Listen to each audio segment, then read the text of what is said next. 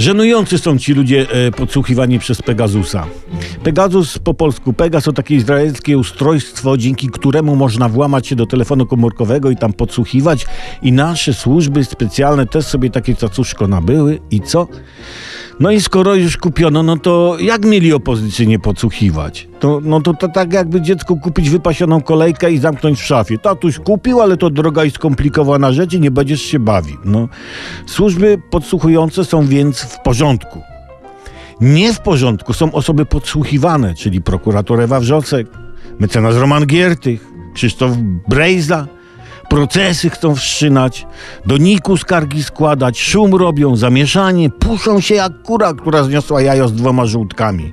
Jak prezes TVP zaproszeniem Zenka na Sylwestra w Zakopcu. Tak się obnoszą tymi podsłuchami, że wyrządzają tym krzywdę pozostałym obywatelom. Mówią jakby wprost, patrzcie, my byliśmy podsłuchiwani, inwigilowani, a ty, Szaraku, nie?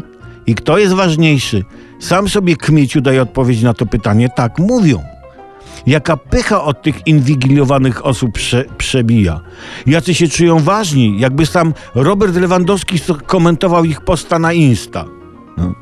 W końcu, słuchajcie, podczas kampanii wyborczej PiS obiecał, że będzie słuchał obywateli, będzie słuchał opozycji i akurat tej obietnicy dotrzymał.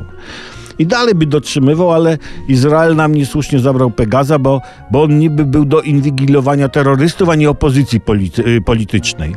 No, ale co my zrobimy w Polsce, jak ta nasza opozycja to terroryści? No, wystarczy ich posłuchać.